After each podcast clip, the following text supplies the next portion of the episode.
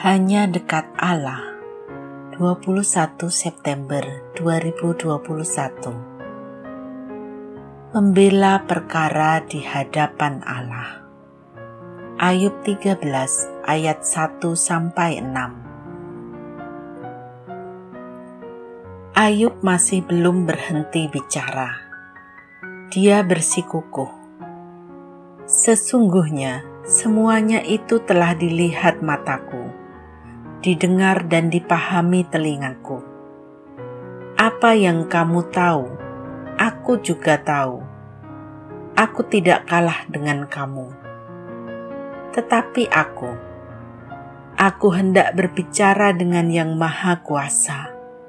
Aku ingin membela perkaraku di hadapan Allah. Ayub 13 ayat 1 sampai 3.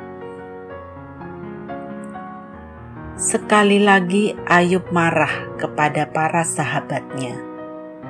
Dia menandaskan bahwa tidak bodoh-bodoh amat. Dia sungguh-sungguh tahu bahwa penghakiman para sahabatnya itu tidak berdasar sama sekali. Dan karena itu, dia menegaskan bahwa dia ingin berbicara langsung dengan Allah dan membela perkaranya di hadapan Allah. Ayub tampaknya insaf bahwa apa yang menimpanya bukanlah perkara biasa. Dia sendiri tidak mengerti, apalagi orang lain. Yang paling tahu tentu Allah sendiri. Karena itulah, Ayub ingin membela perkaranya di hadapan Allah. Ayub ingin keadilan, dan dia tahu hanya Allah yang sanggup menjawab pertanyaannya. Pernyataan ini sungguh memperlihatkan kualitas laki-laki dari tanah Us ini. Dia ingin berdiri di hadapan Allah, muka dengan muka. Ayub tidak memperlihatkan rasa gentar sedikit pun Mungkin karena dia tahu Allah memang mengasihi.